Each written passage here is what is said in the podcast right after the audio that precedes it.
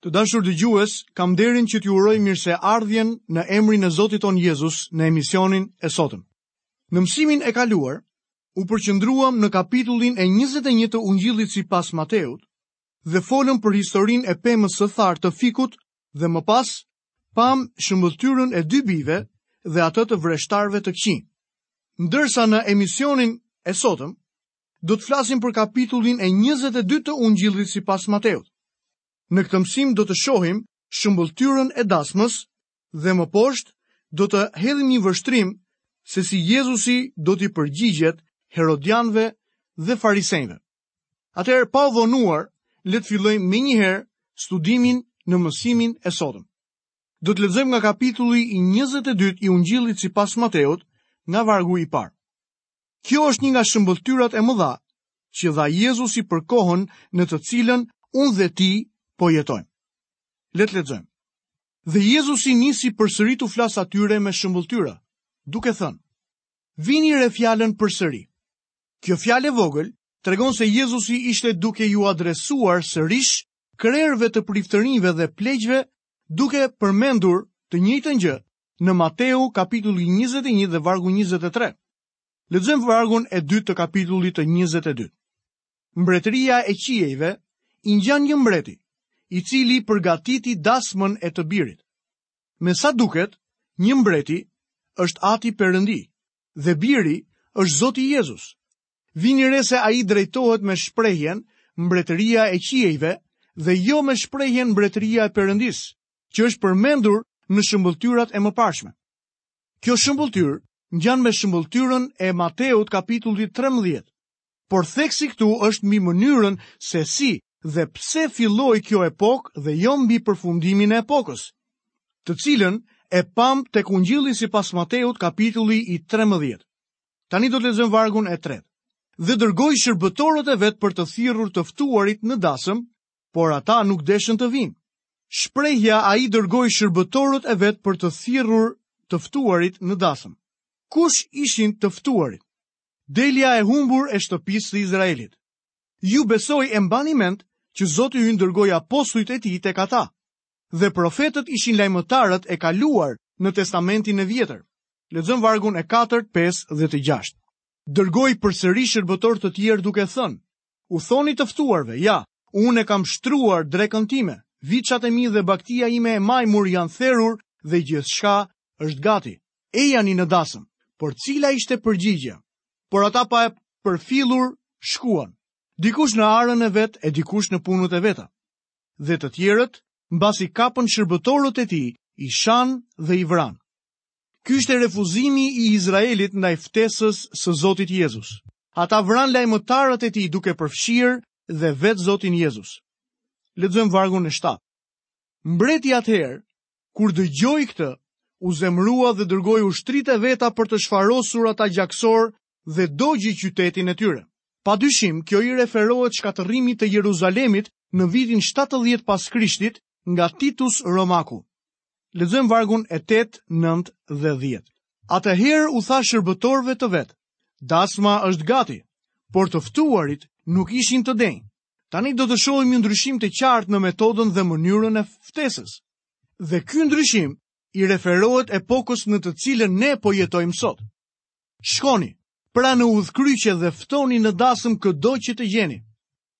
dhe ata shërbëtorë dolën nëpër rrugë, mblodhën të gjithë ata që gjetën të këqinj dhe të mirë dhe vendi i dasmës u mbush me të ftuar. Por shikoni se çfarë ndodhi.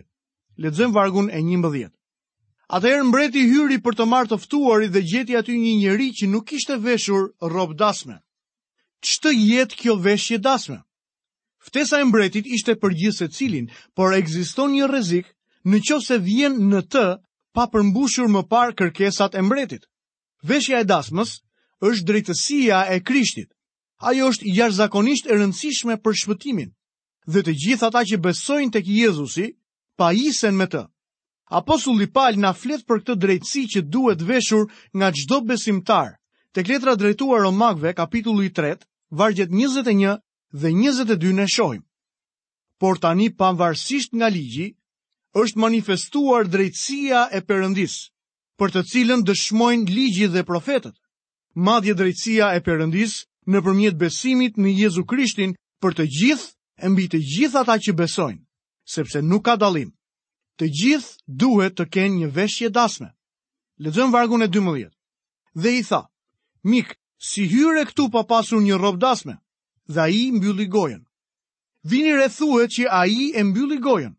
Kam dëgjuar njerëz që thonë se nuk kanë nevojë të pranojnë Krishtin, që ata do t'i marrin mundësitë e tyre para Zotit dhe se Zoti do t'i pranojë patjetër. Por Zoti ynë thotë se ky djalë, pa veshje dasme, mbetet si i pagojë. Lexojmë vargjet 13 dhe 14. Atëherë mbreti u tha shërbëtorëve, lidheni duar dhe këmbë, kapeni dhe hidheni në errësirat e jashtme. Atje do të jetë e qara dhe kërcëllimi i dhëmbëve. Sepse shumë janë të thirrur, por pak janë të zgjedhur. Varet nga ju nëse e pranoni ose jo veshjen e dasmës. Një gjë është e sigurt, Krishti e ka siguruar këtë veshje për ju. Ftesa u është dhënë të gjithëve, por ju duhet të vini në të duke iu bindur kushteve të përcaktuara që më parë nga Zoti. Tani armiqtë e Zotit do të bëjnë sulmin e tyre të vrullshëm, sulmin përfundimtar mbi Zotin Jezus. Herodianët do të vijnë të parët saducenjtë pas tyre dhe në fund farisenjtë. Pastaj Zoti ynë do t'i pyesë farisenjtë dhe ata do të përpiqen të largohen sa më shpejt që të jetë e mundur.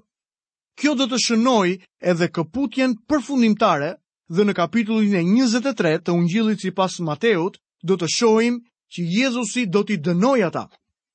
Herodianët do të vijnë tek Jezusi me pyetjen e pagimit të taksës ndaj Çezarit.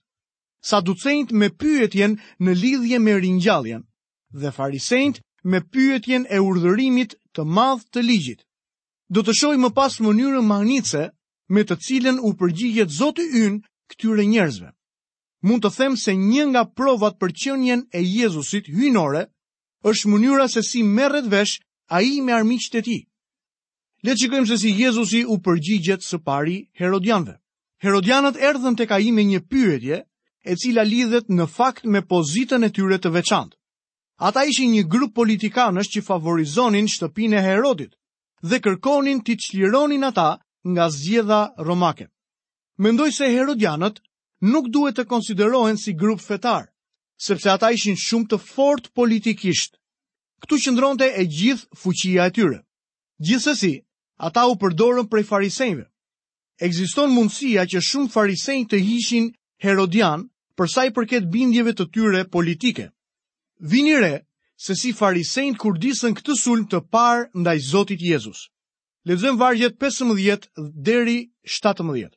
Atëherë farisenjtë u veçuan dhe bënin këshillë se si ta zinin gabim në fjalë.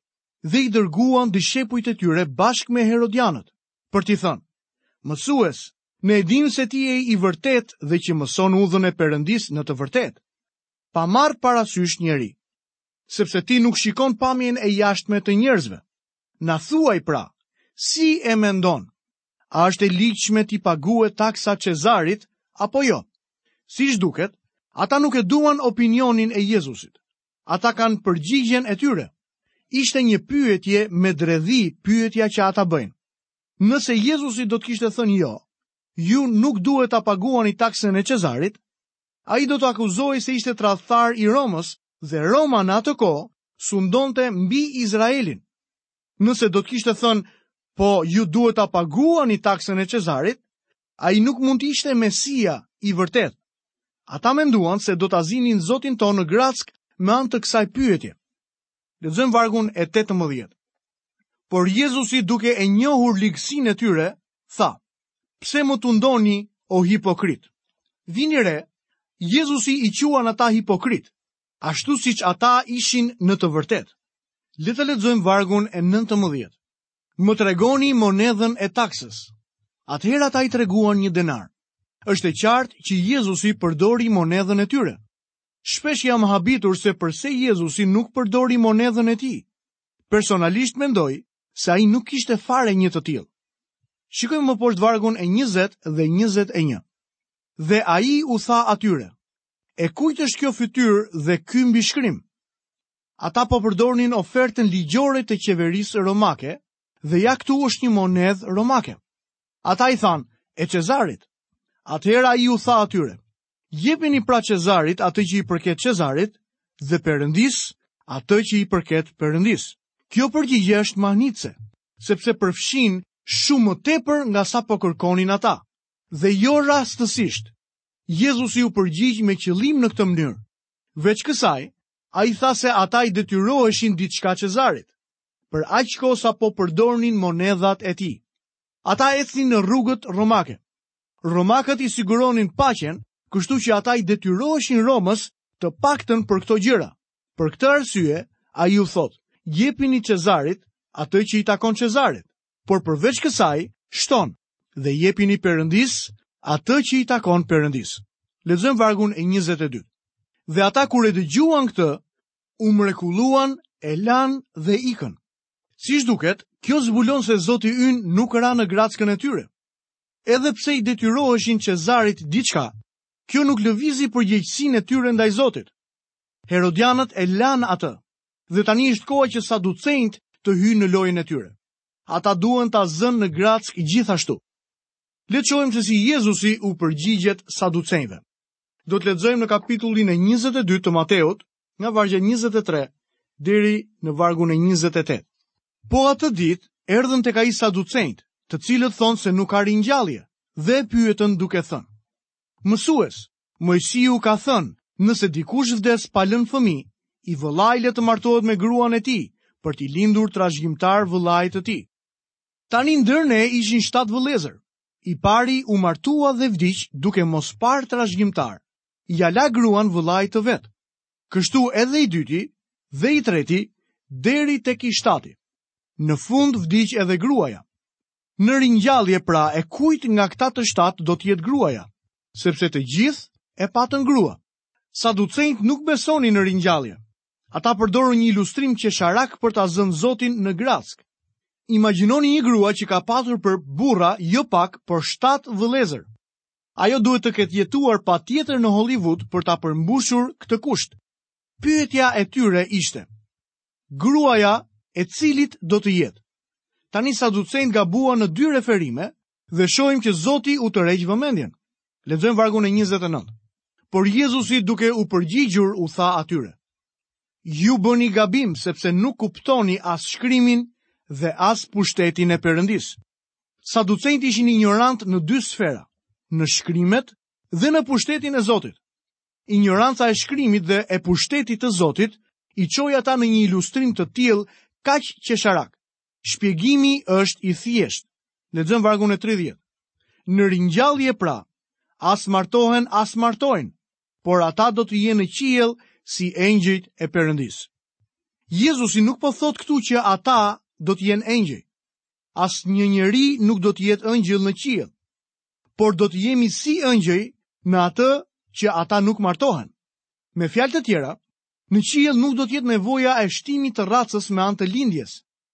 Kjo nuk do të thotë që një burrë dhe një grua të cilët kanë qenë shumë të lidhur këtu poshtë në tokë, nuk do të jenë së bashku. Nëse ata duan të qëndrojnë bashkë, natyrisht që mund të qëndrojnë. Por mendoni për ata që nuk duan të rrinë bashkë. Ata nuk janë të detyruar, Gjithsesi, ata të dy do të kenë mënyra të reja dhe ndoshta do t'ia kalojnë shumë më mirë atje lart sesa ia kaluan në tokë. Lexojmë vargjet 31 dhe 32. Pastaj sa për ringjalljen e të vdekurve, a nuk e keni lexuar ç'ju ishte thënë nga Perëndia kur thotë: Unë jam Perëndia i Abrahamit, Perëndia i Isakut dhe i Jakobit. Perëndia nuk është perëndia i të vdekurve, por i të gjallëve. Kjo është një deklaratë shkatërruese, po për ata që kanë ikur më parë, po për Abrahamin sot. Abrahami nuk ka ndryshuar. Ai është po aq i vërtetë sa ç'ishte edhe në atë kohë. Abrahami, Isaku, Jakobi thjesht janë transferuar nga toka në një vend tjetër. Ata nuk janë të vdekur, ata janë të gjallë. Dhe kjo është e vërtetë edhe për të dashurit tuaj që janë në Krishtin dhe po presin në qiell për ty. Kjo është një e vërtetë e lavdishme. Lexojmë vargun e 33. Dhe turmat kur i dëgjuan këto gjëra, habiteshin nga doktrinat e tij. Le të shohim se si Jezusi u përgjigjet farisenjve. Atëherë herodianët dhe saducenjtë e mbyllën gojën. Farisenjtë ishin duke vëzhguar Jezusin dhe këto dy grupe. Farisenjtë ishin një grup fetaro-politik. Ata donin të shihnin mbretërinë e Davidit në fuqi, në mënyrë që të shpëtonin veten e tyre nga Roma. Në restaurimin e mbretërisë, ata mund të bashkoheshin me herodianët, por si grup fetar i kundërviheshin saducenjve. Farisenjtë mund t'i korrespondojnë krahut liberal në kishë. Farisenjtë si të dy grupet e tjera donin ta kapnin Jezusin në grackë. Dhe kështu përfaqësuesi i tyre, një njeri i ligjit, shtroi një pyetje mjaft interesante. Lexojmë vargjet 34 dhe 35. Atëherë farisenjtë kur dëgjuan se ai ua kishte zënë gojën saducenjve, u mblodhën tok. Dhe një nga ata, mësues i ligjit, e pyeti për ta vënë në provë duke thënë: Farisenjtë u mblodhën dhe nga mesi i tyre zgjodhën një nga mësuesit më të mirë të ligjit. Ai ishte një skrib, një ekspert në ligjin e Moisiut. Pasi u përgatit, shkoi para Jezusit dhe e pyeti. Lexojmë vargun e 36. Mësues, cili është urdhërimi më i madh i ligjit? Dëgjoni se si i përgjigjet Jezusi. Lexojmë vargjet 37 dhe 38. Dhe Jezusi i tha, Duaje Zotin, Perëndinë tënd, me gjithë zemrën tënde, me gjithë shpirtin tënd dhe me gjithë mendjen tënde. Ky është urdhërimi i parë dhe i madh. Vini re se Jezusi nuk zgjodhi asnjë nga 10 urdhërimet. Ai u dha atyre një urdhërim të dytë. Vargu 39. Dhe i dyti i ngjashëm me këtë është duaje të afërmin tënd porsi vetveten. Dhe kur ju ta zbatoni këtë princip në jetën tuaj, do të kuptoni se po i afroheni lavdisë së Zotit. Zoti ynë është shumë i hapur me këtë njeri. Ai i thotë, ti do të dish se kush është urdhërimi më i madh. Të duash Perëndinë është urdhërimi më i madh dhe të duash të afërmin tënd është urdhërimi i dytë i madh. Lexojmë vargun e 40. Nga këto urdhërime varet i tërë ligji dhe profetët. Këto dy urdhërime në fakt përmbledhin të gjithë ligjin e Mojsiut. Përgjigja e Jezusit ishte kaq korrekte dhe e qartë, saqë nëse farisenjtë do të kishin qenë të ndershëm, do të kishin thënë, ne nuk mund të shkojmë përpara, nuk mund të shpëtohemi nga ligji, ne vetë kemi nevojë për një shpëtimtar. Dhe në atë kohë, Zoti Jezus, shpëtimtari, ishte pothuajse nën hijen e kryqit. Të dashur dëgjues, ja ku kemi mbërritur dhe në fundin e mësimit të sotëm. Në këtë mësim dua t'ju rikujtoj që kemi folur për kapitullin e 22 të Ungjillit sipas Mateut. Folëm për shëmbëlltyrën e dasmës dhe më poshtë pamë se si Jezusi iu përgjigj herodianëve, saducenjve dhe farisenjve. Është kaq mahnitëse të shikojmë urtësinë e Perëndisë të vendosur tek Jezusi. Është fantastike të shohim që Jezusi ishte me të vërtetë fjala e Perëndisë që ishte që nga fillimi me Perëndinë. fjala e Zotit e mishëruar. Lavdi Zotit për Jezusin. I dashur dëgjues, Jezusi është përgjigja jo vetëm e pyetjeve që njerëzit kanë, por ai është përgjigja e çdo çështjeje që ka ngelur pezull në racën njerëzore dhe në shoqëritë tona sot. Jezusi është përgjigja. Në kryq Jezusi vendosi dilemën e madhe të njeriut mbi trupin e tij. Ai mori mëkatin tënd dhe mëkatin tim. Jezusi mori mbi trupin e tij ndëshkimin që ne meritonim. Fjala e Perëndisë thotë që me anë të një oferte të vetme, sakrificës që Jezusi ofroi në kryq, ai e pajtoi njeriun mëkatar me Perëndinë. Lavdi Perëndisë për Jezusin. Çfarë shpëtimtari që ne kemi në të. Në mbyllje të emisionit të sotëm, le ta falënderojmë Perëndinë për Jezusin, për shpëtimin që Jezusi prodhoi për ne. Perëndi, unë të falenderoj ty. Të falenderoj për Jezusin, dhuratën e pamerituar, për që ti e ofrove dhe e dhurove falas për çdo mëkatar, për mua të parin. Të jam mirënjohës për shpëtimin, për veprën e amshuar të kryqit, jetën e përjetshme. Të falenderoj që ti vendose në kryqin e birit tënd, jetën e birit tënd, Ti vendose Jezusin, ti vendose gjakun i cili u derdh o Zot për të pastruar mëkatet e mia. Të falenderoj ty që unë jam i shpëtuar me anë të hirit dhe nëpërmjet besimit. Të jam mirënjohës sot që gjendem përpara teje një bir i yti. Zot, unë të falenderoj për mësimin e sotëm. Të falenderoj që ti ke ushqyer jetën time me fjalën e gjallë. Zot, të lutem që ti të më udhëheqësh dhe të më drejtosh në çdo moment të ditëve të mia me anë të fjalës tënde. Të lutem, më jep urtësinë e Jezusit, më jep urtësinë e fjalës tënde. Edhe hidh dritë o Zot në çdo aspekt në jetën time me anë të kësaj fjale. Në emrin e Jezusit unë lutem. Amen. Të dashur dëgjues, në mbyllje të programit të sotëm, uroj të gjitha bekimet e Perëndisë dhe paqen e tij në jetën tuaj. Nga unë vëllai juaj Akil Pano, bashkë mirë u dëgjofshim në emisionin e ardhshëm.